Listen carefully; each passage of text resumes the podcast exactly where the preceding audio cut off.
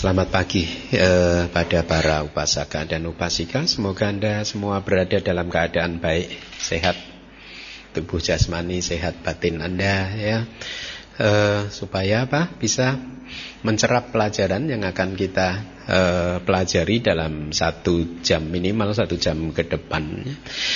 Kadang di dalam belajar eh, kitab suci kita ya ada saja poin-poin tertentu yang terasa sangat sulit mungkin ya seperti mungkin kelas yang lalu tentang 62 pandangan salah ya. Tetapi meskipun misalkan kita ketemu berjumpa dengan hal-hal atau pelajaran-pelajaran yang sulit tersebut ya jangan terus membuat Anda patah semangat ya karena apa? Segala sesuatu tidak kekal. Kalau Anda terus-menerus Anda membacanya, Anda mempelajarinya, nanti lama-lama yang awalnya tidak paham akan menjadi paham dengan sendirinya. Ya, saya mengatakan hal seperti ini karena berdasarkan pengalaman saya sendiri di masa lalu. Pada awal-awal saya masuk ke Myanmar, saya banyak komplain ke guru saya karena di Myanmar itu metode pembelajarannya adalah kita diminta untuk menghafal. Menghafal buta saja, pokoknya dihafal saja. Gitu. Apa pun harus dihafal. Nah, awal-awal saya komplain gitu. Kenapa seperti ini? Karena saya mungkin sebelumnya mendapat pendidikan di Indonesia dengan model yang berbeda yang memerlukan pemahaman itu yang lebih penting daripada hanya sekedar hafalan, tetapi begitu sampai di Myanmar, saya dicekoi terus sama dosen-dosen saya, sama guru-guru saya untuk menghafal ini, menghafal itu. Tetapi saya teringat salah satu guru saya menjawab, hafalkan saja dulu. Nanti tanpa kita sadari apa yang kita hafalkan akan terserap di dalam hati kita gitu. Absorb ke dalam mind kita sehingga akhirnya apa? Uh, dia akan menjadi petunjuk buat kita untuk misalkan apa menghindari perbuatan yang tidak baik ya.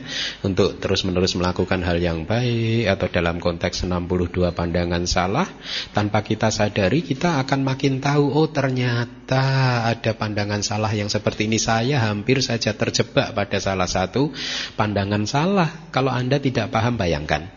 Kalau Anda tidak memahami apa saja sih pandangan salah yang jumlahnya ada 62 maka Anda kemungkinan tidak sadar bahwa Anda sudah terjebak di salah satunya. Betul tidak? Dan di dalam doa, saya katakan doa, karena Buddhism kemarin saya ditanya salah satu umat. Jadi Bante menurut Bante, kan Bante mengatakan bahwa kebahagiaan kelahiran di surga tidak bisa dicapai dengan cara berdoa. Jadi menurut Bante doa dalam agama Buddha itu apa? Ya saya jawab, itu yang mengatakan bukan saya. Yang mengatakan guru kita Buddha Gotama. Saya bebas dari tuntutan. Saya serahkan tuntutannya langsung ke beliau ini.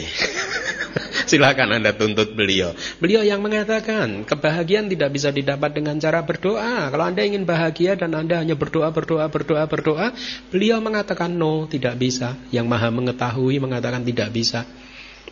Karena kalau kebahagiaan bisa didapat dengan cara berdoa, lalu beliau berkata, siapa yang tidak bisa mendapatkannya? Semua orang bisa berdoa. Ya. Inilah dengan bahasa saya, saya kemudian menyimpulkan bahwa berdoa meminta-minta kepada the unknown, ya makhluk yang tidak kita ketahui untuk memberikan kita kebahagiaan adalah cara yang tidak cerdas untuk menjalani kehidupan ini. Cara yang cerdas untuk menjalani kehidupan itu bagaimana? Pahamilah kehidupan ini secara objektif ya. Pahamilah kelahiran Anda secara benar. Pahamilah masa-masa kehidupan ini secara benar. Pahamilah proses kematian secara benar. Pahamilah proses tubuh jasmani dan proses batin Anda secara benar. Dengan memahami secara benar maka Anda tidak akan mudah kaget lagi di dalam kehidupan ini. Paham? Seseorang yang masih mudah terkejut eh kok begini ya? Eh kok begitu ya? Muncul dari ketidaktahuan mereka terhadap fenomena apa pun Betul. Kalau Anda tidak paham tentang cara bekerjanya sesuatu, maka Anda akan dalam hidup ini akan terkejut, terkejut, terkejut, terkejut, terkejut, terkejut, stres, stres, stres, stres, terguncang lagi, terguncang lagi, depresi akhirnya. Kenapa? Karena Anda mendapatkan sesuatu yang kok bisa ya di dalam kehidupan bisa ada yang seperti ini ya. Karena tidak kuat cara berpikir Anda yang lemah, tidak kuat otaknya lemah, akhirnya konslet.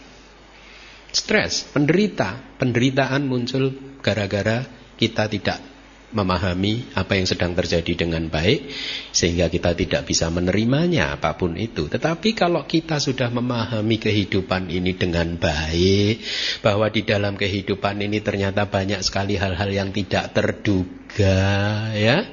Kan begitu Buddha mengajarkan Kehidupan ini penuh dengan hal-hal yang tidak terduga. Nah kalau kita sudah tahu hal seperti ini kan kita bisa mengantisipasinya. Atau paling tidak kalau hal yang tidak terduga itu muncul. Maka apa yang terjadi?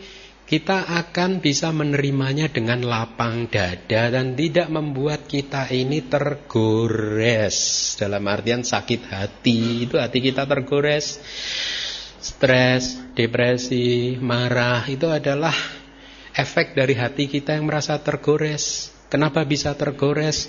Karena itu tadi kita tidak paham bahwa memang kehidupan itu bisa terjadi apa pun dan menariknya bisa terjadi pada hal yang buat mereka yang tidak paham ciri karakteristik kehidupan, kehidupan bisa menjadi buat mereka menjadi sesuatu yang tidak masuk akal.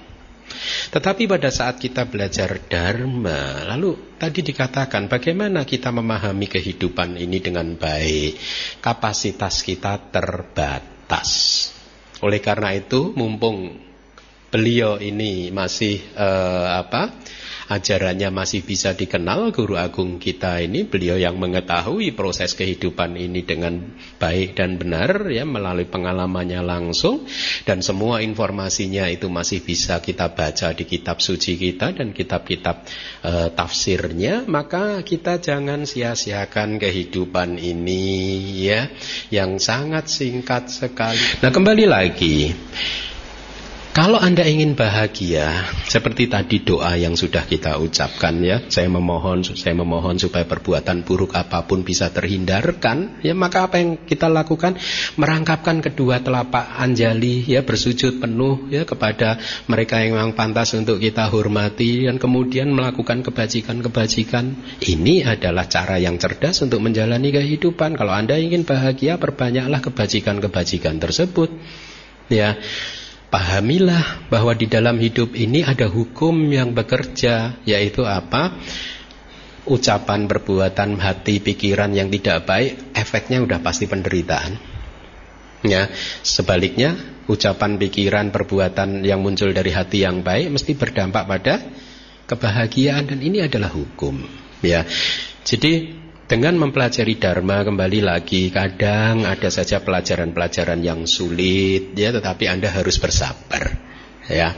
Karena dengan mengulang terus nanti lama-lama Anda akan paham ya. Tetapi yang menarik adalah seperti yang saya do saya katakan dengan menghafal terlebih dahulu ternyata benar apa yang beliau katakan lama-lama ajaran itu terabsorb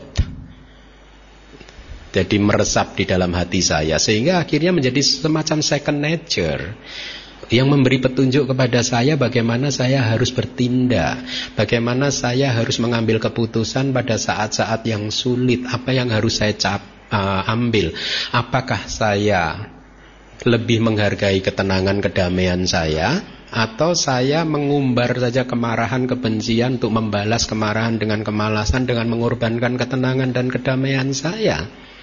Nah, Buddha mengajarkan bahwa kebahagiaan sejati adalah bagaimana cara Anda menghandle situasi dalam kehidupan sehari-hari Anda, ya bagaimana cara Anda menyelesaikan masalah yang datang di dalam kehidupan sehari-hari Anda sehingga cara Anda mengendalikan menyelesaikan masalah itu tidak menghancurkan ketenangan hati Anda, tidak menghancurkan kedamaian hati Anda dan itu hanya bisa dicapai melalui hati atau batin yang dipenuhi oleh cinta kasih oleh kewelas asihan, batin yang terang benderang, batin yang yang bebas dari tekanan-tekanan kekotoran batin. Kalau kekotoran batin itu keserakahan, kemarahan, kesombongan, kegelisahan, penyesalan, ini semua emosi-emosi yang negatif itu membuat batin Anda yang terang benderang tertekan. Dan batin yang tertekan seperti itu adalah batin yang stres, batin yang menderita. Ya. Nah, makanya sudah eh, berapa kelas kita belajar tentang lima rintangan batin ini. Ini kelas yang ke empat. Ya.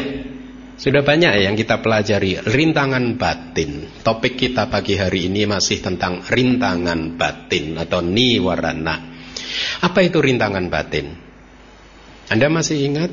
Rintangan batin adalah energi batin kita yang merintangi kita untuk mencapai samadhi. Untuk mencapai konsentrasi yang benar. Lalu kenapa kita sangat concern dengan samadhi? Kenapa kita harus berjuang keras untuk bisa mempunyai samadhi?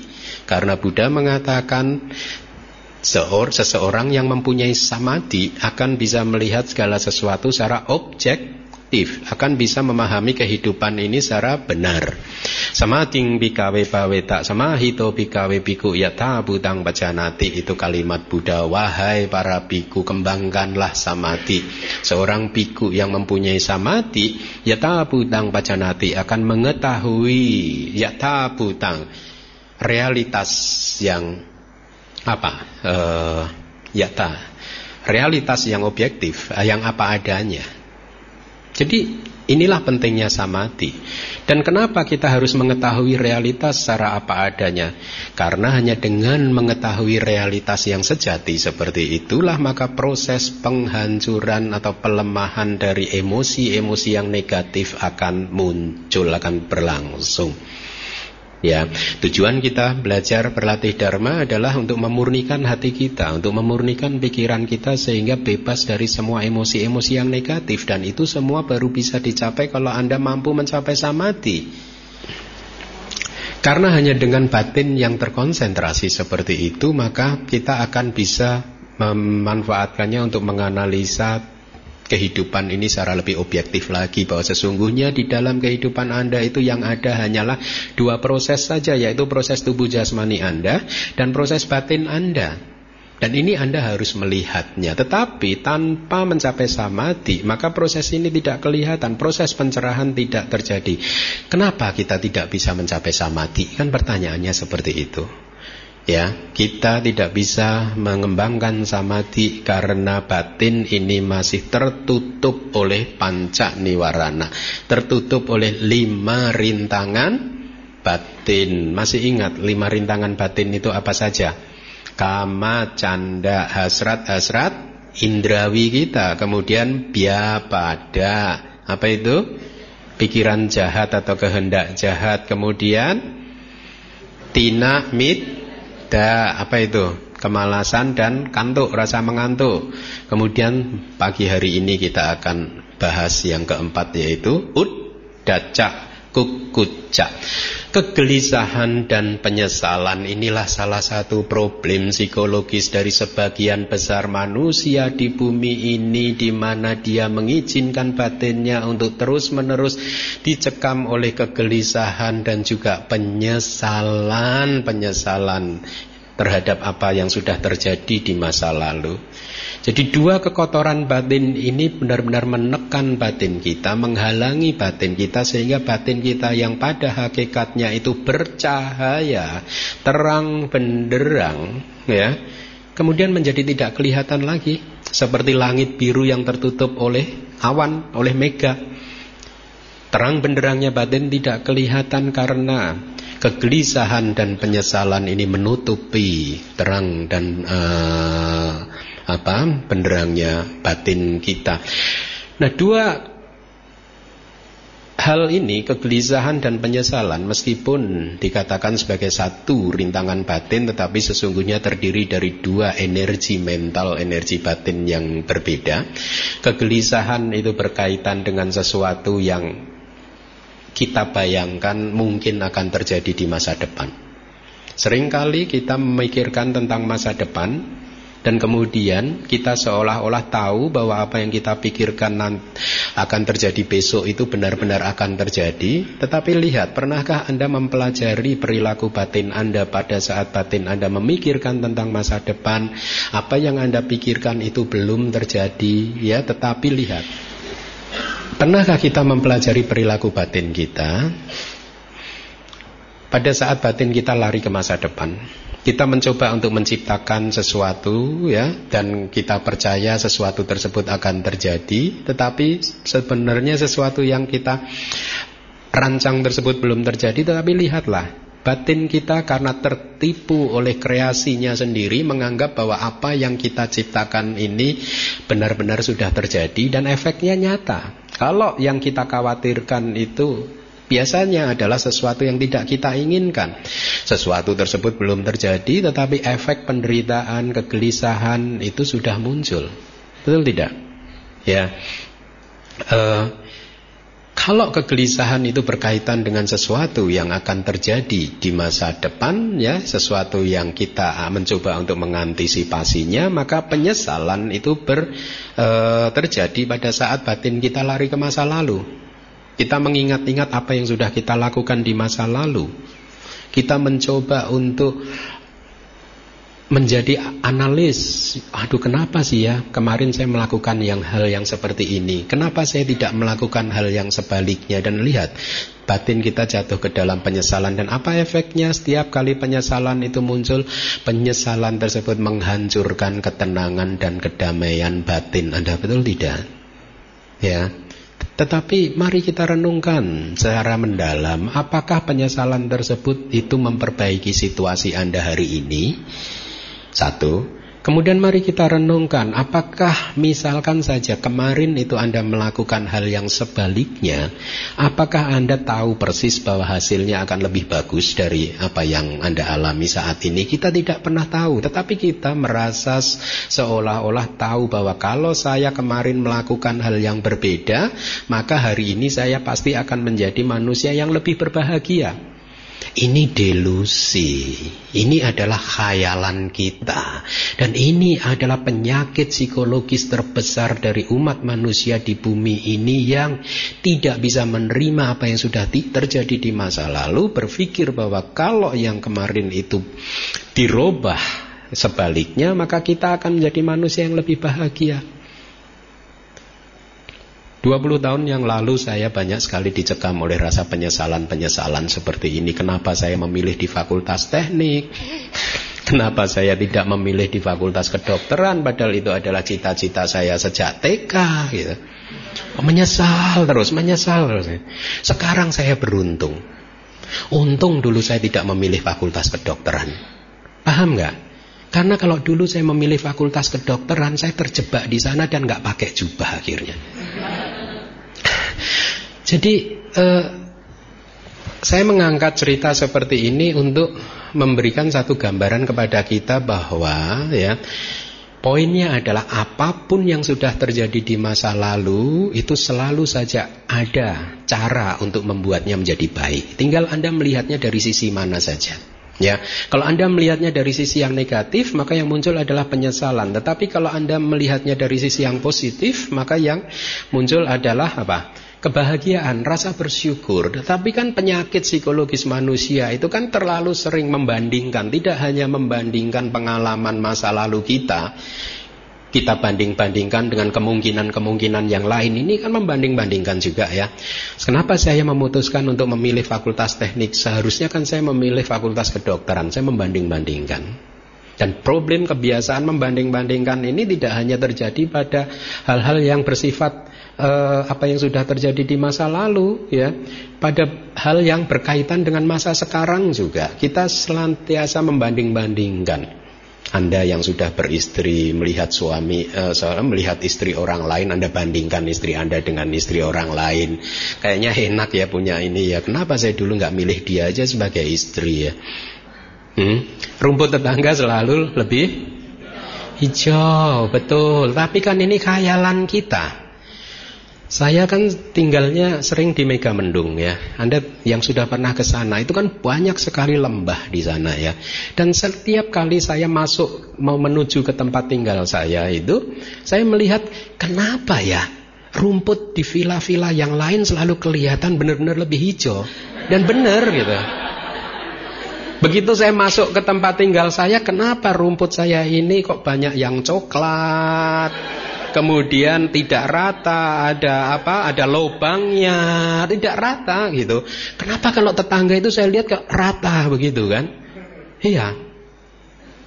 Baru kemudian saya teringat, nah inilah perilaku membandingkan rumput tetangga itu selalu lebih hijau. Memang seperti itu, tapi apakah benar bahwa rumput tetangga itu lebih hijau dari rumput kita? Kalau Anda benar-benar masuk ke tetangga Anda melihat rumputnya juga sama saja. Ada coklatnya, ada lubang-lubangnya, Bahkan mungkin ada kotoran anjingnya yang tidak kelihatan. Sama saja full of defects. Penuh dengan ketidaksempurnaan. Tetapi kita terdelusi, tertipu oleh pandangan kita karena melihat dari jauh. Dan inilah juga yang akhirnya muncul perilaku kita melihat dari jauh ini kita terapkan di dalam kehidupan sehari-hari untuk menilai tetangga-tetangga Anda. Kayaknya tetangga saya lebih happy daripada saya ya. Anda tidak pernah tahu. Mereka punya suami lebih ganteng daripada suami saya. Gitu. Pasti dia lebih bahagia punya suami ganteng. No, lebih stres. punya suami ganteng tuh makan hati. Emang kalau suami Anda ganteng, Anda izinkan dia pergi ke mall sendirian? Hmm? Mesti Anda gandeng terus kan? Tunjukkan ke semua dunia ini suamiku ini. Eh, atau yang suami juga jealous Kenapa istri tetangga lebih cantik? Wah, alangkah bahagianya saya kalau maksudnya Anda punya istri punya istri secantik dia ya. Itu suami yang punya istri cantik seperti itu pasti bahagia. Siapa bilang? Anda tidak pernah tahu problem yang mereka hadapi. Betul tidak? Rumput tetangga kelihatannya lebih hijau karena Anda melihat dari jauh. Kotorannya tidak kelihatan. Ya, sama saja. Mereka kalau di rumput kita di halaman kita itu penuh dengan kotoran sama sesungguhnya di rumput mereka juga penuh kotoran karena memang inilah ciri kehidupan problemnya sama. Bahkan kalau punya istri cantik itu ya tadi sama problemnya sama pada saat Anda mempunyai suami ganteng penuh dengan masalah. Suami istri pasti banyak maunya. Betul tidak? Nah, suami kan kadang kan menuntut, saya itu pengen lo punya istri kayak kamu itu secantik bidadari, tapi suaminya lupa bidadari kan butuh surga. Suaminya bisa nggak kasih surga ke dia? Kalau dia bisa kasih surga, nanti bidadarinya muncul. Jadi Lalu apa yang harus kita lakukan sekarang? Yang harus kita lakukan adalah membangun satu pemahaman yang benar bahwa sifat kehidupan yang kelihatannya rumput tetangga itu lebih hijau itu bukan karena memang benar-benar rumput tetangga lebih hijau. Dan itu fakta.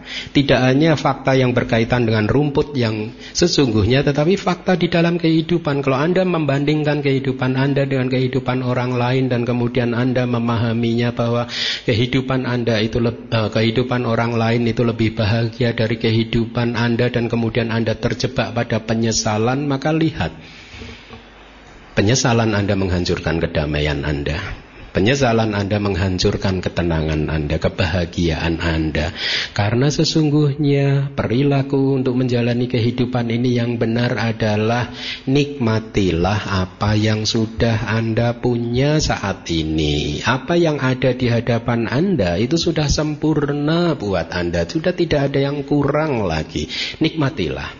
Seni untuk bisa menikmati apa yang kita punya inilah yang ditawarkan oleh Buddhism. Buddha selalu mengajarkan bagaimana kita bisa membangun perilaku batin untuk bisa menikmati present moment.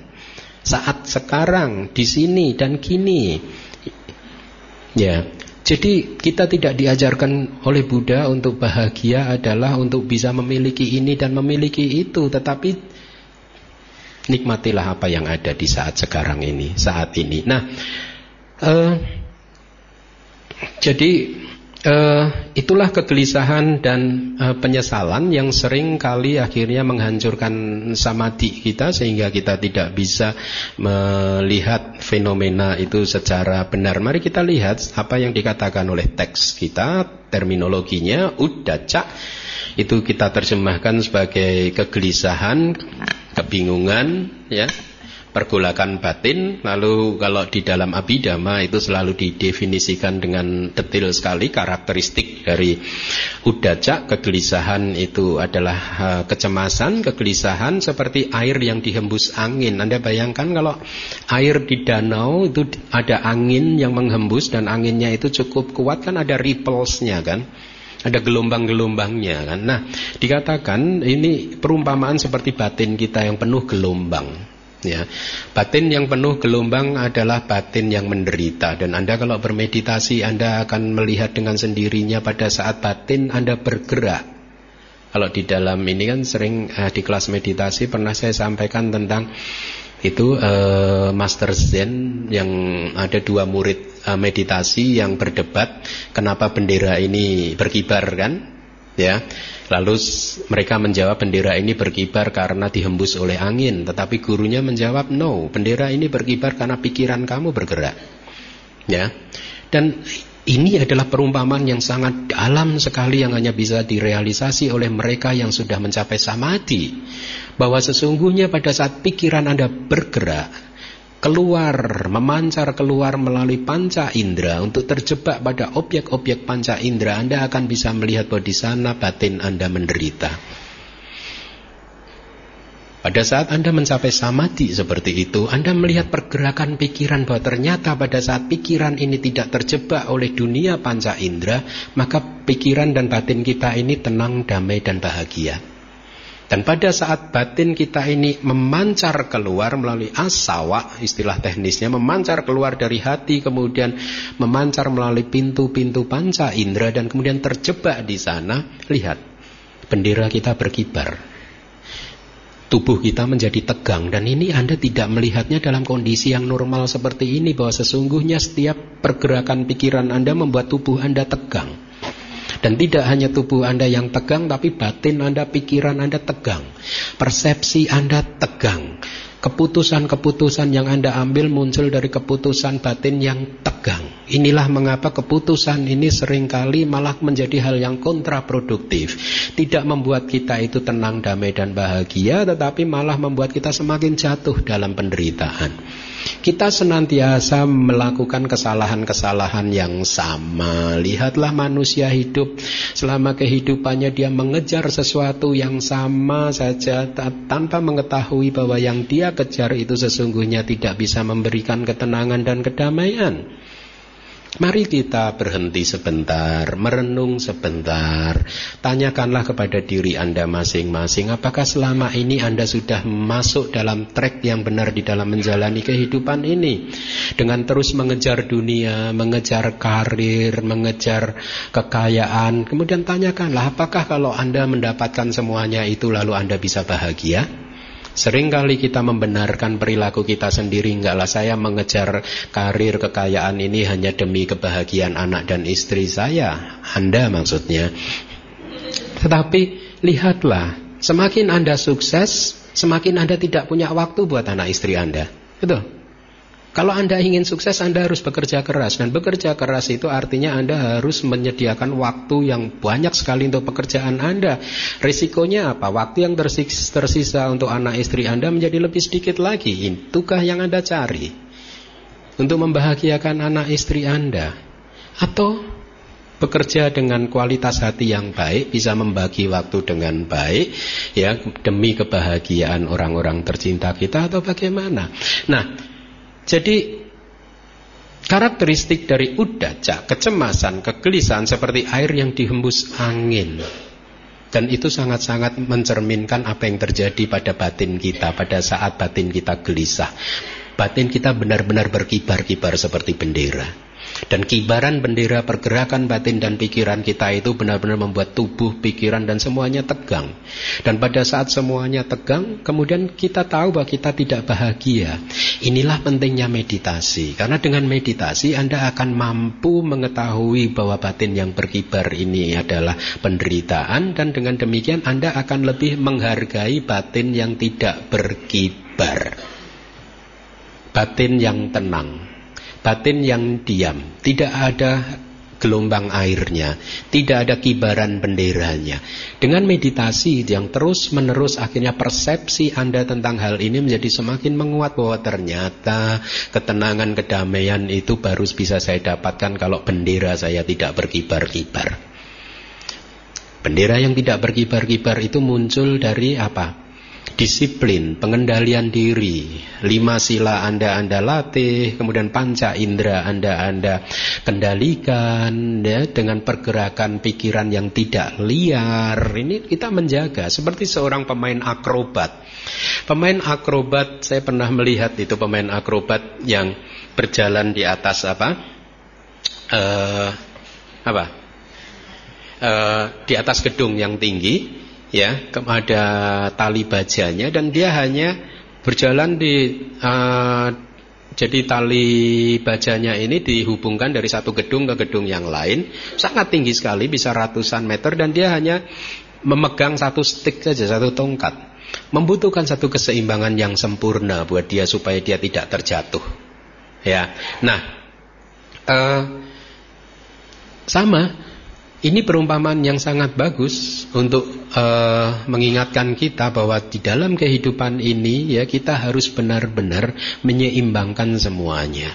Ya, mengendalikan panca indera, menyeimbangkan panca indera supaya kita tidak terjatuh ya yang akhirnya nanti hanya akan membuat kita menderita. Nah, mari kita kembali lagi. Fungsi dari udaca adalah membuat batin menjadi tidak stabil ya seperti angin yang membuat e, bendera berkibar. Tadi sudah saya sampaikan manifestasinya adalah e, kekacauan dan e, kegalauan ya. Sebab terdekatnya adalah ayoniso manasikara terhadap batin yang tenang. Saya harap Anda sudah mulai hafal apa itu yang dimaksud dengan ayoniso manasikara? A Bukan yoniso proper manasikara itu perhatian. Perhatian yang tidak proper, perhatian yang tidak benar. Perhatian yang tidak tepat. Apa itu perhatian yang tidak benar? Perhatian yang tidak benar itu adalah perhatian yang menganggap dengan pemahaman bahwa segala sesuatu itu kekal. Bisa memberikan kebahagiaan yang kekal dan menganggap bahwa ini adalah aku atau milikku. Inilah yang dianggap uh, dimaksud dengan ayoniso manasi kara atau perhatian yang tidak kekal. Nah, di kelas-kelas yang lalu sudah kita apa? Uh, apa? berikan satu perumpamaan. Anda masih ingat ada perumpamaan batin yang dipenuhi oleh udacak kukucak itu adalah seperti ibaratnya budak yang harus mengikuti perintah tuannya, harus ke sini, harus ke sana dan seterusnya. Dia tidak mempunyai kemerdekaannya karena kalau dia melawan perintah orang tuanya maka dia akan merasa dia akan menganti kehilangan pekerjaannya. Jadi mau tidak mau dia harus mengikuti perintah dari tuannya untuk pergi ke sana, pergi ke sini, ya. Demikianlah batin yang dipenuhi oleh kegelisahan. Ya, kalau di dalam abidama, kegelisahan itu diberi perumpamaan juga yang sangat indah. Jadi ibaratnya di puncak gunung, ya, ada batu kotak. Batunya kotak, tidak bulat. Batu kotak kemudian dia digelindingkan dari puncak gunung. Batu kotak itu kalau menggelinding dari puncak gunung kan menggelinding satu sisi berhenti sebentar, kemudian menggelinding lagi satu sisi yang lain berhenti sebentar dan seterusnya, ya. Begitulah sifat dari udaja. Begitulah sifat dari kegelisahan. Kegelisahan tidak pernah bisa berada di satu tempat dengan nyaman. Seperti orang katakanlah ingin duduk di sebelah kanan sebentar, kemudian merasa tidak nyaman pindah ke sebelah tengah. Sebentar tidak nyaman pindah ke sebelah kiri. Sebentar lagi tidak nyaman pindah ke belakang. Sebentar lagi duduk di sana tidak nyaman pindah ke depan dia berada bersama objek sebentar saja tetapi kemudian menemukan kesalahan finding fault dengan objek tersebut dan dia pindah lagi. Pindah terus di sini enggak di sana enggak akhirnya. Itulah yang dimaksud dengan udaca ya. Udaca ud itu di atas daca itu bergetar. Bergetar aja di atas objeknya. Sebentar kemudian bergetar lagi berpindah-pindah terus. Dia muter muter muter muter muter terus pada waktu tahun 2000 saya di Myanmar, saya menjalani retret cukup panjang di sana dan uh, uh, salah satu kawan saya itu pada pada awalnya saya tidak paham apa yang dia lakukan. Jadi tiba-tiba ini retret ber, uh, lebih dari satu tahun gitu. Tiba-tiba dia meditasi itu menurut saya aneh waktu itu saya pertama kali karena saya newcomer kan di dalam Buddhism itu kan tidak punya informasi yang banyak dan itu belum sekolah lagi pada waktu itu masih tahun 2000-an gitu. Tiba-tiba teman saya itu bermeditasi kalau Buddha rupangnya di sini dia menghadap tembok belakang sana. Yang lainnya menghadap ke sini, dia kenapa menghadap ke tembok gitu. Satu hari dia menghadap ke tembok, besoknya dia merasa nggak nyaman, kemudian dia menghadap ke tembok sebelah kiri. Nanti nggak nyaman lagi menghadap ke tembok sebelah kanan, nanti nggak nyaman lagi dia meditasi di luar. Belakangan baru saya tahu, oh dia sedang gelisah. Begitulah sifat kegelisahan. Tidak pernah bisa menikmati objeknya selalu bergerak terus dan ini benar-benar menghancurkan ketenangan dan kedamaian kita. Itulah mengapa tadi saya katakan, lalu apa yang harus kita lakukan? Yang harus kita lakukan adalah belajarlah untuk bisa menikmati apa yang sudah Anda duduki saat ini. Udah belajar untuk nikmat duduk diam di satu tempat. Apa pun yang ada ya, selalu saja bisa memberikan ketenangan, kedamaian dan kebahagiaan kalau kita ini skillful. Ya, jadi kita tidak membutuhkan sesuatu yang tidak ada untuk menjadi bahagia. Ini menariknya di dalam Buddhism. Buddhism mengajarkan kepada kita bahwa kebahagiaan bisa Anda capai dengan apa pun yang sudah Anda punyai saat ini. Anda tidak membutuhkan hal yang lain untuk bisa bahagia. Kalau Anda berpikir bahwa Anda akan bahagia setelah mendapatkan sesuatu yang tidak ada saat ini belum ada, nah itu adalah sebab dari penderitaan malah. Ya. Nah, uh, Mari kita lihat lagi. Sekarang kita menginjak pada rintangan batin yang kedua. Kuk kucak itu terdiri dari dua kata depan kuk dan kicak. Kuk itu jelek, ya kicak itu perbuatan. Jadi perbuatan yang jelek tapi sering diterjemahkan jadi e, penyesalan. Ya muncul karena memikirkan kesalahan yang telah dilakukan. Atau yang kedua ini perbuatan baik yang tidak dilakukan. Ya, Misalkan kalau saya menyesali pilihan saya, kenapa dulu saya tidak memilih fakultas e, kedokteran misalkan, ya, yang saya anggap sebagai perbuatan baik. Jadi penyesalan juga bisa muncul, ya. Jadi dua landasan ya, untuk memunculkan penyesalan. Landasan pertama adalah tentang perbuatan tidak baik yang sudah kita lakukan. Landasan kedua adalah perbuatan baik yang tidak kita lakukan di masa lalu. Seperti yang tadi saya katakan, Seharusnya saya tidak melakukan itu tapi melakukan ini tetapi kemudian mari kita renungkan. Apakah Anda yakin kalau Anda melakukan hal yang sebaliknya maka kehidupan Anda sekarang lebih baik? Seperti contoh saya, apakah menurut Anda saya akan mendapatkan kehidupan yang lebih baik kalau dulu saya mendaftar fakultas kedokteran? Enggak kan? Enggak akan ada asin keminda Indonesia kan? yang ada asin keminda dari Myanmar dan lain sebagainya. Asin keminda enggak lahir. Makanya eh, pada tahun sebelum tahun 2000 pada saat saya sudah mulai retret di hutan-hutan itu saya mulai mengembangkan rasa syukur. Berterima kasih dulu tidak mendaftar fakultas kedokteran, berterima kasih kepada orang-orang terdekat saya yang saya anggap dulu menyakiti saya. Untung kalian menyakiti saya. Coba kalau kalian nggak menyakiti saya kan saya masih di kota sana, nggak di hutan sini. Hah. Jadi mengembangkan perspektif yang berbeda untuk bisa menerima apa pun yang sudah terjadi dengan lapang dada, inilah Buddhism.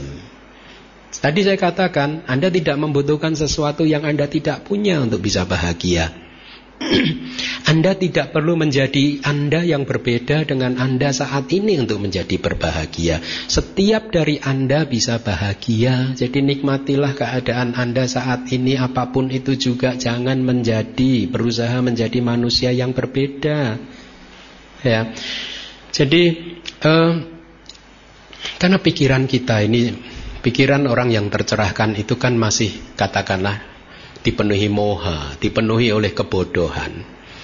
Kita selalu saja mengulangi kesalahan-kesalahan yang sama dan tidak pernah belajar dari kesalahan tersebut. Setiap kesalahan yang kita lakukan selalu saja seharusnya memberikan pelajaran, betul tidak? Anda mendapatkan sesuatu, satu manfaat dari kesalahan yang Anda lakukan, betul tidak? Seharusnya seperti itu. Oleh karena itu nikmatilah momen-momen Anda melakukan kesalahan. Karena Anda akan sebentar lagi akan mendapatkan sesuatu yang berharga. Ya, setiap kesalahan akan memberikan pelajaran kepada kita. Kan ada satu jokes itu. Saya sedang bertekad untuk membuat kesalahan lagi. Karena saya menikmati kesalahan yang saya lakukan bahwa ternyata kesalahan memberikan satu pelajaran yang berharga. Nah, pikiran kita suka membesar-besarkan sesuatu, ya, menyesali kejadian di masa lalu itu karena sifat pikiran yang membesar-besarkan sesuatu, merasa lebih tahu kalau kejadiannya berbeda, saya pasti akan bahagia. Dengan contoh yang bagus, saya harap Anda paham bahwa itu semua muncul dari delusi. Contoh yang bagus itu apa? Coba bayangkan kalau saya dulu memilih fakultas kedokteran. Saya tidak mungkin duduk di sini sekarang. Dan saya akan menderita di sana. Cari uang, cari uang, cari uang. Saya pikir akan memberikan kebahagiaan, ternyata end up suffering. Enggak, ya. Jadi eh, makanya belajar dharma itu sangat menarik karena bisa memberikan kita atau mengembalikan cara pandang kita ke track yang benar lagi. Nah, karakteristik dari penyesalan itu ya penyesalan, menyesali tadi dengan dua landasan munculnya penyesalan ya, yaitu perbuatan jahat yang kita lakukan di masa lalu dan perbuatan baik yang gagal atau tidak kita lakukan di masa lalu. Fungsi dari penyesalan adalah untuk memunculkan kesedihan. Inilah mengapa Buddhism tidak pernah mengajarkan pada kita untuk menyesali apa yang sudah Anda lakukan. Jangan disesali, lepaskan. Menarik ya? E, bisa nggak hidup bebas dari penyesalan? Bisa. Saya sudah jarang sekali menyesal atas semua kebodohan saya, kesalahan saya itu. Ya, sudah tidak memunculkan penyesalan-penyesalan yang akhirnya membuat saya stres, tidak bisa tidur, tidak bisa makan gitu. No, bisa kita hilangkan. Tidak perlu kita menyesali apa yang sudah kita lakukan di masa lalu. Lalu bagaimana Bante caranya supaya kita tidak terjebak pada penyesalan? Buddhism mengajarkan tiga langkah seperti yang para biku biasanya lakukan pada saat dia melakukan kesalahan. Yang pertama, kita akui saja bahwa kita melakukan kesalahan. Ya Bante saya sudah melakukan kesalahan melanggar winaya yang ini Kemudian Bante seniornya akan menjawab Apakah kamu melihatnya? Iya saya melihatnya gitu. Kemudian langkah yang kedua tidak ada kita diajarkan untuk kemudian bantainya kamu gimana sih? Kan udah tahu Winaya melarang kamu untuk melakukan ini, kok kamu masih melakukan? No, no, no. Bantainya hanya bertanya, kamu melihatnya? Benar-benar apakah kamu yakin kamu telah melakukan kesalahan? Iya Bante, saya telah melakukan kesalahan. Baik, kalau demikian di masa depan lebih mengendalikan diri supaya tidak melakukan kesalahan lagi. Nah, ini ajaran Buddha. Jadi akui saja bahwa kita telah melakukan kesalahan, kemudian jangan menyalahkan siapa pun. Karena menyalahkan diri sendiri akan membuat situasi menjadi lebih buruk lagi. Menyalahkan orang lain juga sama saja akan membuat situasi menjadi lebih buruk lagi. Jangan menyalahkan siapa-siapa. Cukup diakui, iya saya melakukan kesalahan, kemudian saya berjanji untuk berubah. Lepaskan apa yang sudah terjadi di masa lalu, lepaskan. Paling kita ambil pelajarannya supaya di masa depan tidak terjadi lagi. Ya. Nah, mari kita lihat eh, manifestasinya perwujudan dari penyesalan itu adalah rasa bersalah sebab terdekatnya adalah perbuatan yang telah dilakukan yang jahat atau yang tidak dilakukan di masa lalu ya Mari kita lihat lagi apa yang dikatakan di suta-suta kita dari Anggutara Nikaya ada kalimat seperti ini. Demikianlah Sona, Sona itu anak orang kaya di masa lalu ya. E, dia dikenal sebagai pemuda yang sangat tubuhnya sangat lembut sekali, ya kulitnya sangat tipis sekali, ya e, sehingga pada saat dia bertemu dengan Buddha dan meminta Buddha untuk memberikan objek meditasi dan dia berlatih keras itu sampai sedemikian rupa sampai kakinya berdarah-darah. saking tipis kulitnya karena dia anak anak apa golongan mungkin semacam orang kaya bangsawan atau apa gitu ya. Jadi kakinya berdarah-darah ya. Dia berlatih keras tetapi kok nggak bisa mendapat nimita juga gitu. Sampai kemudian dia menemui Buddha. Kenapa? Saya walaupun sudah berlatih keras sampai berdarah-darah seperti ini kok meditasi saya tidak berkembang. Kemudian Buddha mengatakan demikianlah sona usaha wirya yang terlalu keras akan membawa kegelisahan. Jadi kalau Anda tidak hati-hati dalam usaha Anda terlalu keras, Anda tidak menghandlenya dengan baik, maka yang muncul hanyalah nanti udacak kegelisahan. Tetapi sebaliknya usaha yang terlalu lembek akan membawa ke kemalasan. Oleh karena itu, sona, gunakanlah energi dengan penuh ketenangan.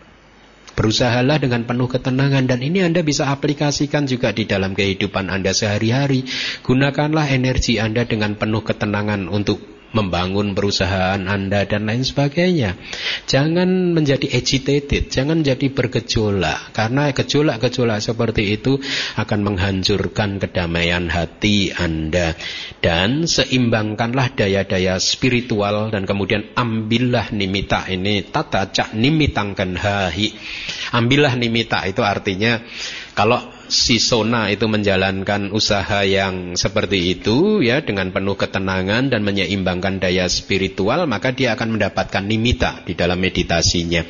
Daya spiritual itu kita belum belajar ya ada lima daya spiritual panca indera yaitu apa?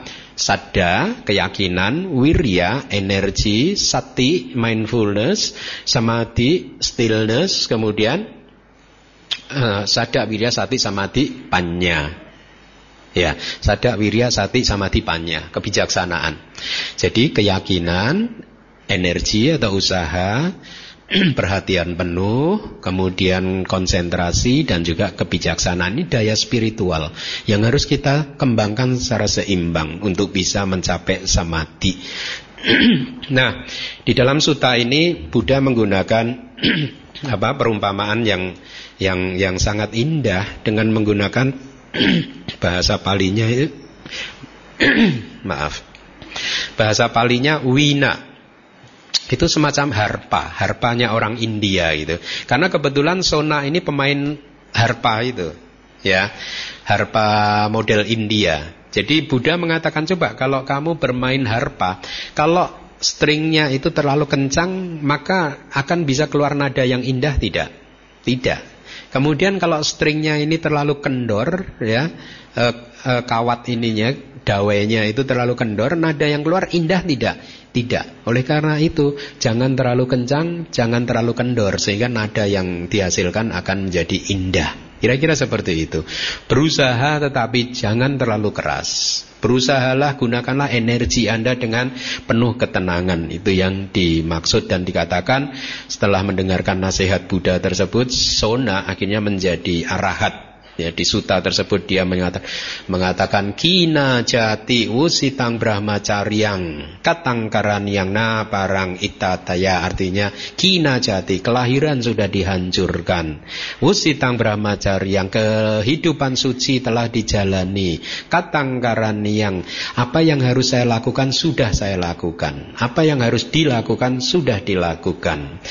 Na parang itataya sudah tidak ada lagi keadaan yang Eh, setelah ini sudah tidak ada lagi. Artinya tidak ada kelahiran lagi.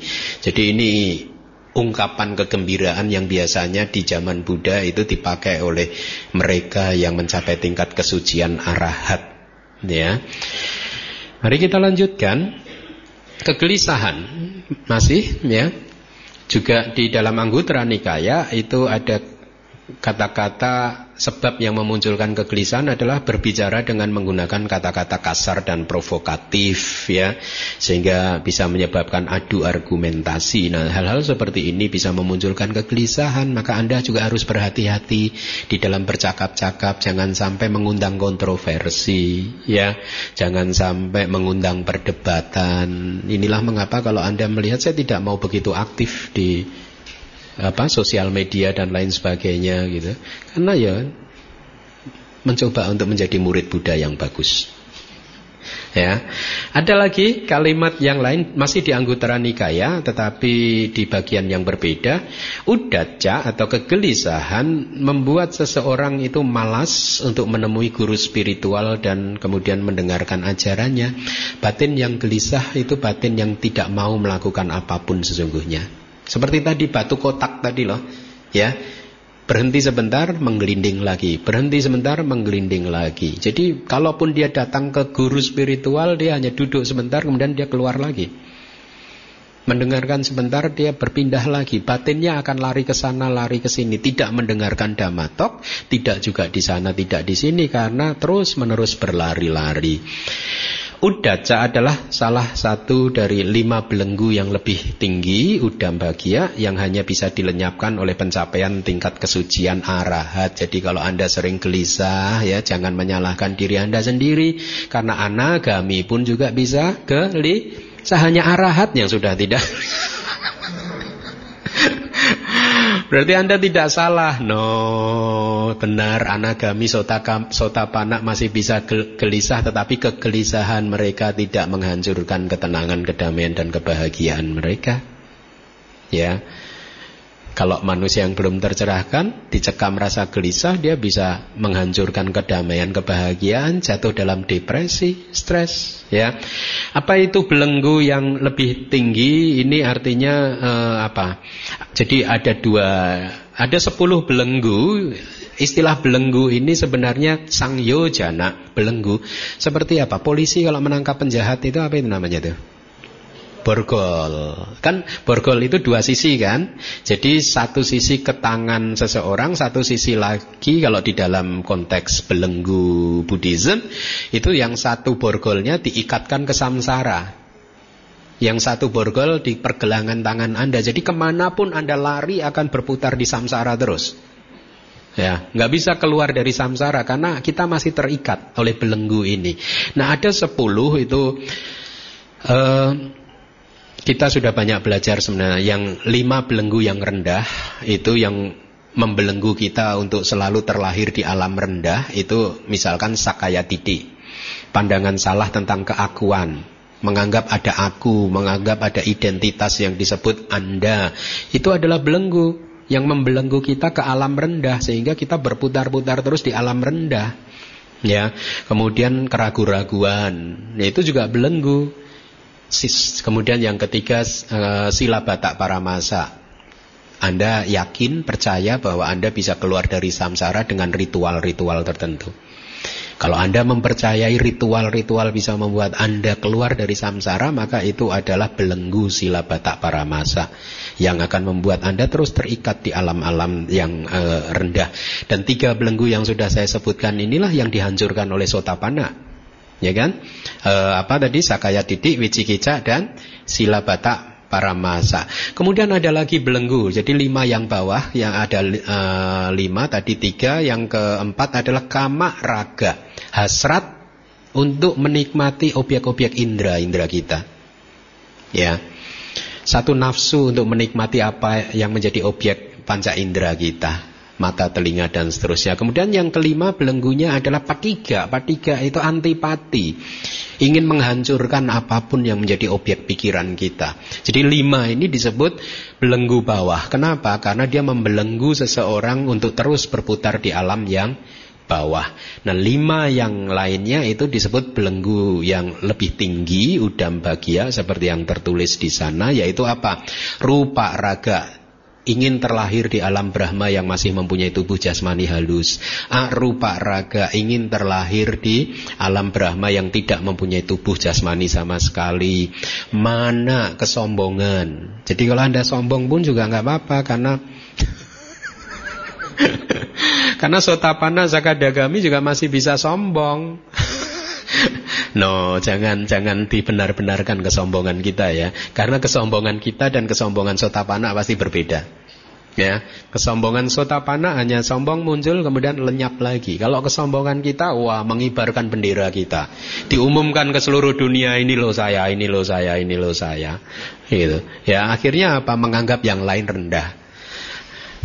Uh, apa tadi? Kesombongan.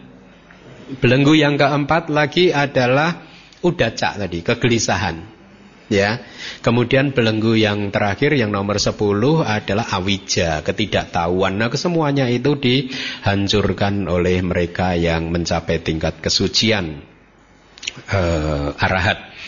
Mari kita lihat lagi cukup bagus informasi itu untuk anda hmm, apa pahami hafalkan ya Kukucak, penyesalan yang muncul sebagai akibat kebingungan, ketidakpastian tentang dhamma yang benar dan tidak benar itu ada gila nak suta informasi tersebut. Jadi pada suatu hari Buddha mengunjungi komunitas biku dan kemudian Buddha bertanya apakah ada sesuatu yang membuat mereka eh, bingung atau menyesal atau apa begitu. Kemudian para biku, ya Bante saya menyesal. Kenapa saya tidak belajar dengan baik dulu? Lihat, jadi penyesalan yang muncul karena seorang biku tidak menempuh jenjang pelajaran dengan baik masuk hutan. Akhirnya di dalam hutan dia pikirannya berkecamuk. Apa yang saya lakukan ini sudah benar atau belum ya? Winaya ini ini saya melanggar winaya atau tidak ya. Akhirnya penyesalan tentang hal-hal seperti itu membuat uh, seorang biku tidak uh, bisa hidup dengan uh, apa uh, tenang dan damai karena beberapa poin dari apa materi dari Tripitaka yang belum mereka pelajari. Um, Inilah mengapa e, minggu lalu saya kedatangan tamu yang mengatakan kepada saya ya Bante Buddhism itu kan bukan agama teori kan gitu. Buddhism itu agama praktek, jadi ya sebenarnya nggak usah belajar teori terlalu banyak, langsung dipraktekkan saja. Terus kalau kamu nggak punya teorinya, yang kamu praktekkan apa? Dokter aja boleh praktek kalau dia udah lulus sarjana dulu loh, udah makan teori banyak loh, 4, 5, 6 tahun loh. Baru dia diizinkan punya surat izin praktek. Ya tidak. Nah, saya mendapatkan kesan begini, dan mereka mencontoh, lihatlah master-master meditasi itu kan Bante kan mereka tidak teoritis sekali gitu. Dia menyebut nama master meditasi gitu dan lihat teachingnya tidak teoritis sekali. Dan saya bilang, hei, Anda lupa. Itu yang nama-nama yang Anda sebutkan itu adalah master-master teks semuanya. Maksud saya begini, coba Anda berikan satu nama kepada saya, master meditasi yang terkenal di dunia yang tidak pernah belajar berikan pada saya. Saya sampaikan semua pernah belajar. Master A dia paham bahasa Pali, Master B dia paham bahasa Sanskerta. Jadi jangan melihat apa yang tampak di buku-buku mereka. Apa yang tertulis di buku-buku mereka kelihatannya tidak teoritis tetapi itu adalah satu hal yang tampak di permukaannya saya katakan. Tapi yang di bawah permukaan akar-akarnya itu adalah knowledge mereka. Jadi apa yang tertulis di buku dengan bahasa populer seperti ini yang kelihatannya bukan teoritis itu adalah sesuatu yang springs up dari knowledge mereka. Saya katakan seperti itu. Mereka paham Tripitaka. Mereka paham bahasa Pali, itu yang kamu tidak pernah mau mencari tahu, saya bilang gitu. Mereka paham bahasa Sanskerta, dan ini saya sampaikan kepada Anda juga. Coba berikan satu nama master meditasi di dunia ini, meditasi Buddhis, yang tidak pernah belajar. Jadi di Indonesia itu kadang kenapa masih ada saja orang yang mengatakan Buddhism itu bukan agama teoritis, agama praktek, langsung aja praktek Bante. Gitu. Jadi Anda jangan terjebak pada paham doktrin seperti itu ya. Teruslah belajar. Karena itu tadi saya katakan akarnya ada. Master-master meditasi itu sudah punya akar yang kokoh yaitu pengetahuan Tripitaka dan kitab komentar. Kemudian mereka apa artikulasikan ke buku-buku dengan bahasa-bahasa yang populer. Tapi kalau Anda tes mereka bahasa Pali, mereka paham master meditasi yang terkenal di dunia ini beberapa itu saya pernah berkomunikasi empat mata berdiskusi berdiskusi tentang dharma dan mereka semua paham bahasa Pali. Ya kan beberapa tahun yang lalu ada yang tidur di tempat saya itu. Kami bercakap-cakap sampai jam 2 tentang bahasa Pali dan saya kagum oh bahwa beliau ini ternyata pemahaman bahasa Palinya jauh lebih bagus daripada yang kita saya pahami begitu. Jadi Belajar itu penting ya untuk menghindari penyesalan. Ya, makanya Anda sudah berada dalam track yang benar, belajar terus ya. Kadang sulit, nggak apa-apa, tapi ulangilah terus. Murid Abidama saya, kalau Anda yang belum ikut Abidama, kelas Abidama yang hari Sabtu, saya set up kelas Abidamanya itu untuk memenuhi standar akademis yang cukup. Sehingga kalaupun nanti kan sudah ada rencana kelas Abidama itu mau diterjemahkan ke dalam bahasa Inggris untuk dibuat bukunya. Saya setuju sudah, setuju. Kenapa? Saya tidak malu kalau dibuat di dalam bahasa Inggris dan diedarkan ke seluruh dunia. Saya tidak malu sebagai penceramahnya karena saya tahu cukup memenuhi standar akademisnya cukup. Dan yang membuat saya bahagia apa? Dengan saya memasang standar yang sedemikian tinggi, murid yang mendengarkan masih cukup banyak. Nah, itu yang membuat saya bahagia. Kenapa? Paling tidak gini, saya sering merenung akhirnya gitu. Setelah empat tahun saya berjuang keras di Indonesia untuk membangun komunitas dimulai dari Abidama Made Easy yang hahaha itu kan strategi marketing saya untuk menjebak anda-anda supaya anda tertarik ikut saya dulu. Nah begitu anda ikut saya empat tahun pelan-pelan gitu saya masuk lebih serius, lebih serius, lebih serius. Banyak orang yang tidak paham strategi marketing saya tersebut. Empat tahun yang lalu karena saya buta situasi di Indonesia, saya benar-benar buta situasi di Indonesia. Saya mengenal Buddhism tahun 9798 langsung masuk hutan. Jadi saya tidak tahu Buddhism di Indonesia. Setelah merasa ilmunya guru saya habis, nggak ada yang saya pelajari lagi saya putuskan jual ini jual itu pergi ke luar negeri. Buta lagi Buddhism di Indonesia saya tidak tahu. Bertahun-tahun saya di luar negeri pulang ke Indonesia langsung diminta untuk mengajar. Lah saya kan nggak kenal anda. Betul tidak kemudian saya mencoba untuk melakukan ini apa uh, riset market lah saya dengarkan si penceramah A, penceramah B. Oh begitu ya, begitu ya. Udah saya ikutin dulu gitu. Akhirnya ada Abidama Made Easy. ketawa terus selama 10 hari Anda ketawa terus. Anda nggak sadar, Anda masuk dalam jebakan saya. Setelah Anda tertarik dengan saya, ikut-ikut-ikut saya, baru sekarang Abidama yang benar-benar nih hari Sabtu nih. Makan tuh Abidama. Tuh.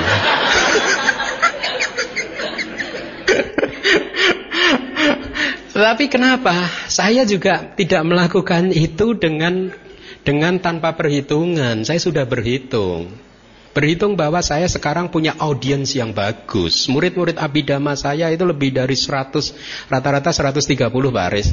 Ya, ya ada di belakang. 130 pendengar itu adalah audiens yang bagus yang sudah siap untuk saya ajari yang bikin pusing-pusing. Ya, jadi inilah saya sering merasa bersyukur akhirnya setelah empat tahun saya membangun komunitas ini saya mendapatkan audiens yang bagus. Dan saya sudah putuskan saya tidak menerima talkshow talkshow lagi. Beberapa undangan untuk meminta saya talkshow sudah saya tolak-tolak terus. Karena tesnya udah berbeda gitu. Kalau saya udah terbiasa mengajar seperti ini nanti kembali lagi ke yang begitu lagi udah nggak fun lagi ya, jadi eh, kira-kira uh, seperti itu. Belajarlah terus dharma ya. Karena kalau Anda ini logika lagi. Selama Anda masih ingin menjadi umat Buddha, mau lahir kapan pun nanti Anda butuh Tripitaka. Paham nggak? Dan apa yang sudah Anda pelajari kehidupan sekarang tidak hilang di kehidupan nanti. Paham nggak? Contohnya apa Bante? Contohnya, Anda sering nggak mendengar cerita-cerita seorang biku atau bikuni baru membuka kitab pertama kali langsung bisa hafal. Langsung dia bisa jadi guru. Langsung dia bisa mengajar yang lain yang lebih senior. Dari mana dia bisa paham kitab yang sulit seperti ini padahal dia baru saja membukanya? Bukan miracle, bukan keajaiban, tetapi semata-mata pada saat dia membuka, dia ingat lagi apa yang sudah dia pelajari di kehidupan lampau.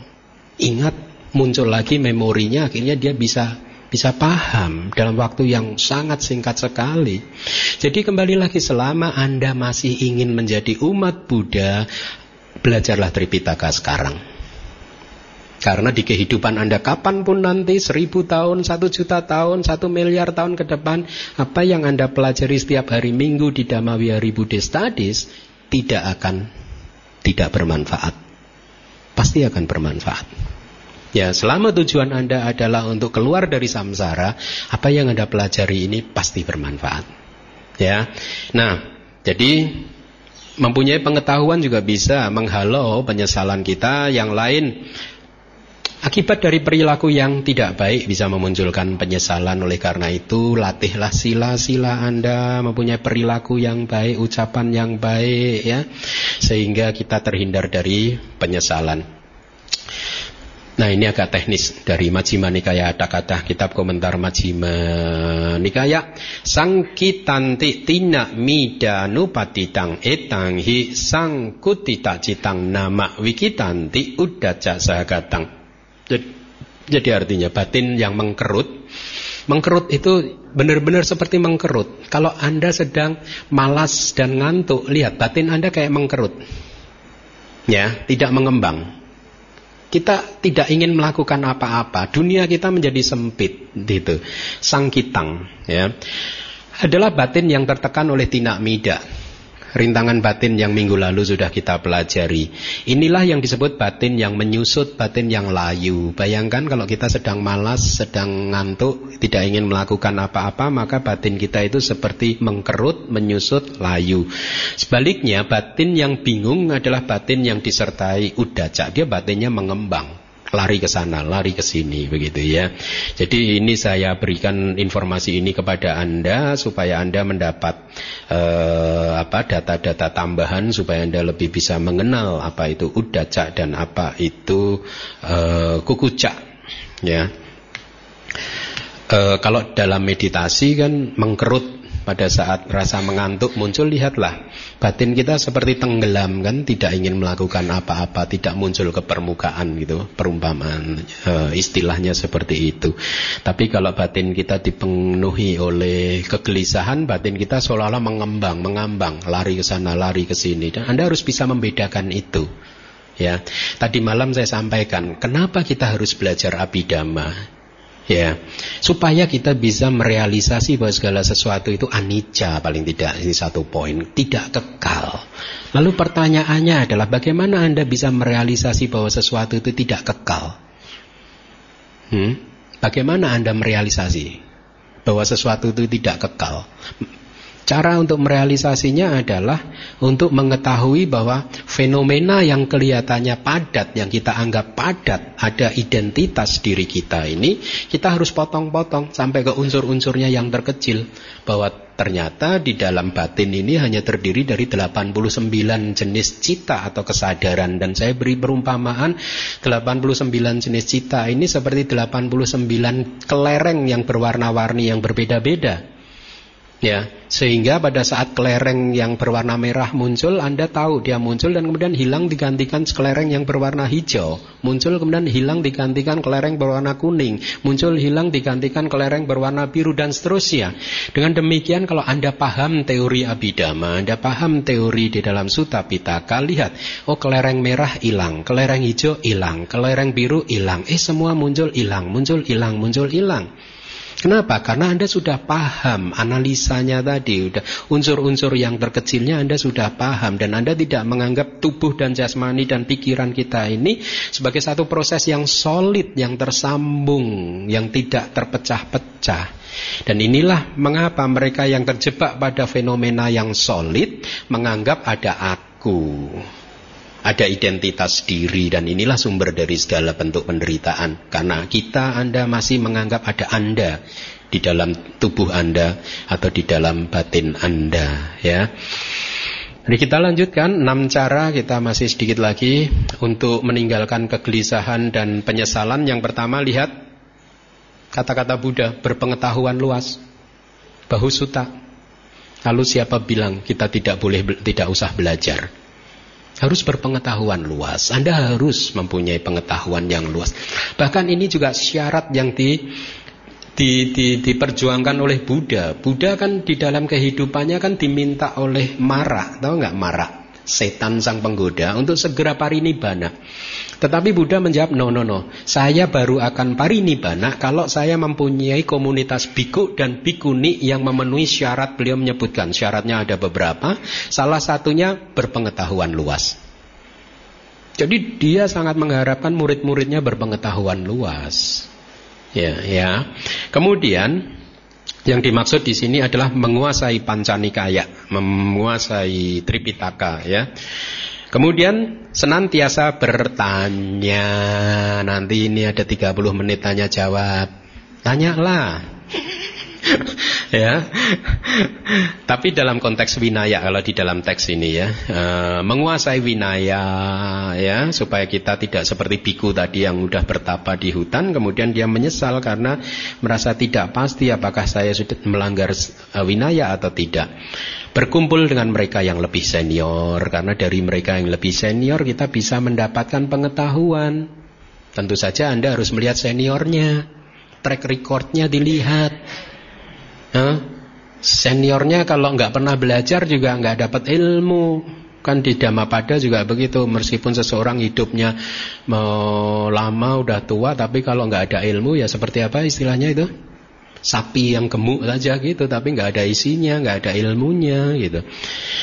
Kemudian persahabatan spiritual ini penting. Selalu ditekankan di dalam rintangan batin yang lain mempunyai teman spiritual yang baik, mempunyai kalyana mita. Kenapa? Karena kalau mempunyai kalyana mita, kita akan bisa belajar dari dia, mencontek, meniru dia, cara dia menyelesaikan masalah dia dan lain sebagainya. Sehingga dengan demikian dikatakan di dalam teks, dengan mempunyai kalyana mita, maka jalan mulia berunsur delapan akan berkembang. Kemudian, dan Anda masih ingat kata-kata Buddha yang lain bahwa manusia itu berkumpul karena kesamaan sifat. Hmm? Benar nggak? Makanya cari kalian amita. Berarti anda sama dengan dia nanti. Ya. Tidak ada ceritanya manusia beda sifat berkumpul dalam satu kelompok terus. Mereka berkumpul karena kesamaan sifat. Ini kata-kata Buddha. Kalau anda nggak setuju silahkan komplain kepada Kemudian percakapan yang kondusif ya, uh, itu yang menghindari kebohongan, kata-kata kasar, fitnah, gosip dan lain sebagainya. Nah, ada yang disebut Sata Bojangga, tujuh faktor pencerahan yang berkaitan dengan udaca kukuca ada penjelasan seperti ini. Pada saat batin kita ini sedang bergejolak, maka pada saat itu bukanlah waktu yang tepat untuk mengembangkan faktor pencerahan yang berikut investigasi dhamma. Sangat jelas, batin yang bergejolak tidak akan bisa melihat sesuatu secara lebih jelas, sehingga kita tidak bisa menginvestigasi pada saat itu. Bagaimana pengaruh terhadap tubuh dan bagaimana pengaruh terhadap persepsi, keputusan kita, perasaan, pikiran kita, dan lain sebagainya ya. Kemudian faktor energi juga tidak bisa berkembang karena batin yang bergejolak itu udah kelebihan energi. Jadi kita tidak bisa mengembangkan wirya juga dan kegiuran kenapa? Karena uh, batin yang bergejolak, sifat dari kegiuran atau piti itu adalah membuat objeknya menjadi menarik. Itu piti. Kalau piti satu faktor jana itu berkembang di dalam batin Anda, maka ke mana pun Anda melihat yang tampak hanyalah keindahan. Suara apa pun yang Anda dengar, suara tersebut adalah keindahan. Ya, karena ini adalah fungsi dari piti untuk membuat segala sesuatu menjadi objek panca indera dan objek hati kita, batin kita menjadi yang uh, objek yang menarik. Ya, Uh, piti juga tidak bisa dikembangkan karena batin yang bergejolak sulit sekali untuk ditenangkan, dibuat tenang dengan faktor-faktor tersebut. Lalu apa yang harus kita kembangkan supaya batin yang bergejolak menjadi tenang? Yang harus kita kembang, kembangkan adalah keheningan. Bagaimana membuat keheningan tersebut rileks? Ya, pada saat Anda bermeditasi rileks. Tubuh yang tegang segera dikendorkan. Atau pada saat Anda sedang bekerja di kantor Anda, sediakan lima menit untuk mengendorkan seluruh tubuh Anda. Karena tiga hal ini berkaitan. Tubuh yang kendor, yang rileks akan membuat nafas Anda juga semakin lembut, sehingga membuat emosi-emosi Anda juga menjadi semakin melemah. Membuat perasaan damai, tenang, bahagia menjadi semakin kuat kalau tubuh Anda tegang, pikiran Anda juga efeknya akan tegang. Nafas akan terengah-engah, tersengal-sengal. Jadi tiga hal ini berkaitan. Jadi untuk membuat keheningan, rilekskan tubuh Anda. Karena kalau tubuh Anda sudah rileks, istilahnya getarannya itu sudah tidak tinggi sekali, maka efeknya akan berimbas pada batin Anda menjadi lebih tenang, ya.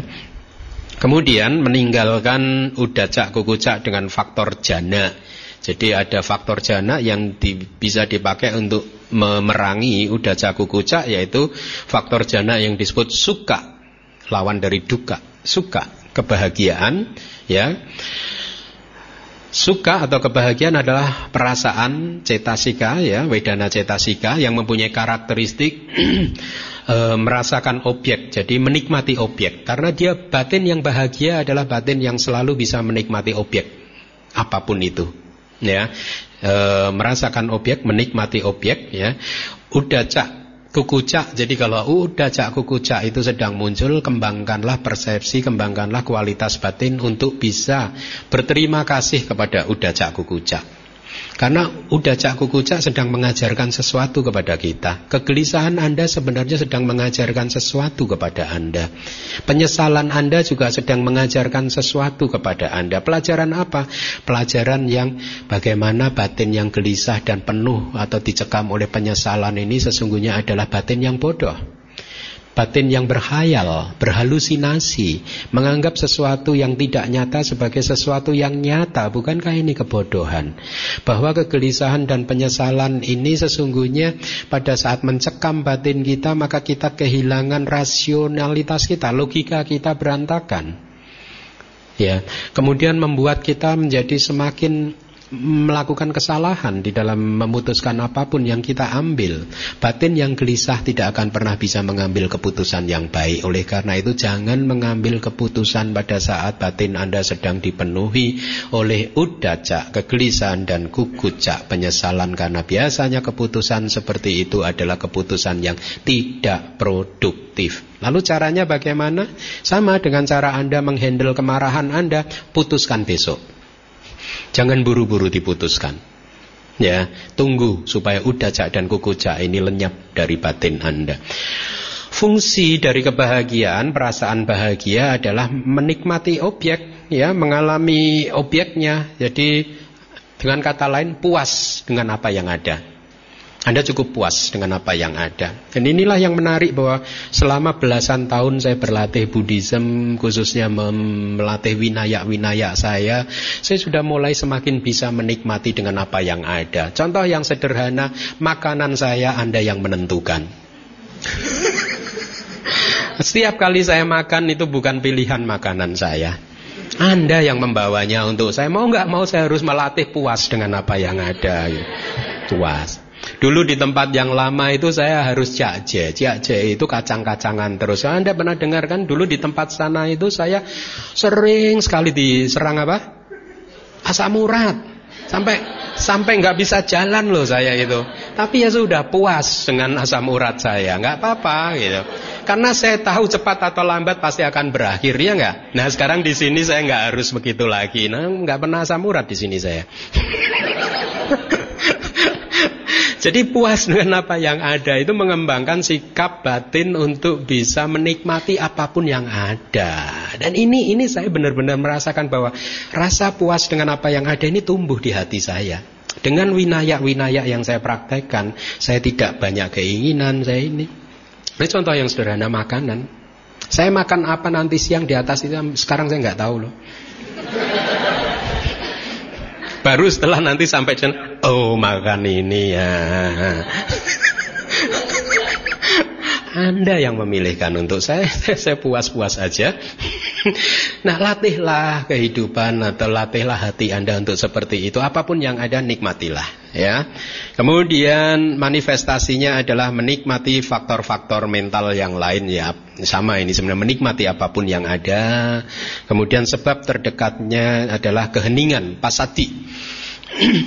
Caranya sebenarnya sederhana kok. Kalau Anda sedang di kantor, Anda sedang gelisah, carilah waktu atau tempat yang sepi tidak ada orang ya. Atau mungkin kadang Anda harus pergi ke toilet duduk sebentar di toilet tapi cukup membuat tubuh Anda scanning aja body scanning. Dari atas kepala sampai ke bawah temukan begitu ada yang tegang segera kendorkan. Cirinya adalah pada saat Anda sudah berhasil mengendorkan tubuh Anda nafas Anda menjadi nyaman sekali dan batin Anda juga menjadi nyaman Kendorkan. Kalau Anda berhasil mengendorkan tubuh yang tegang hanya selama 5 menit saja, maka lihat, Anda bisa menjadi semakin efektif dalam bekerja. Anda bisa menjadi semakin efisien dalam bekerja. Anda pernah mendengar nggak perusahaan-perusahaan besar di dunia ini sekarang membebaskan karyawannya di dalam satu minggu sekian jam untuk bermeditasi, nggak usah bekerja. Kenapa perusahaan besar menerapkan peraturan seperti itu? Karena mereka sudah melakukan research dan hasilnya ternyata sangat positif. Kalau karyawan ini diberi kebebasan katakanlah dalam satu minggu itu lima jam tidak bekerja, pakailah untuk bermeditasi, ternyata dia menjadi semakin efektif dan efisien.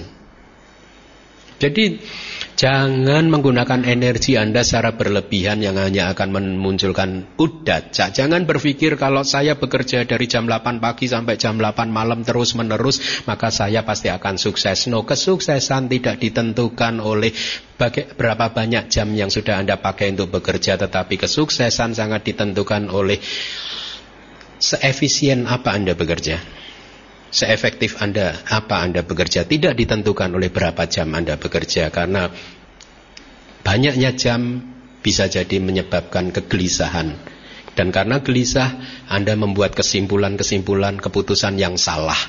Dan keputusan yang salah akan menjadikan Anda e, memunculkan penyesalan di dalam kehidupan Anda. Dan kegelisahan dan penyesalan tersebut akhirnya akan menghancurkan, mengambil ketenangan, kedamaian, dan kebahagiaan Anda. Jadi hiduplah latihlah batin supaya terbebas dari kegelisahan dan penyesalan. Terima kasih.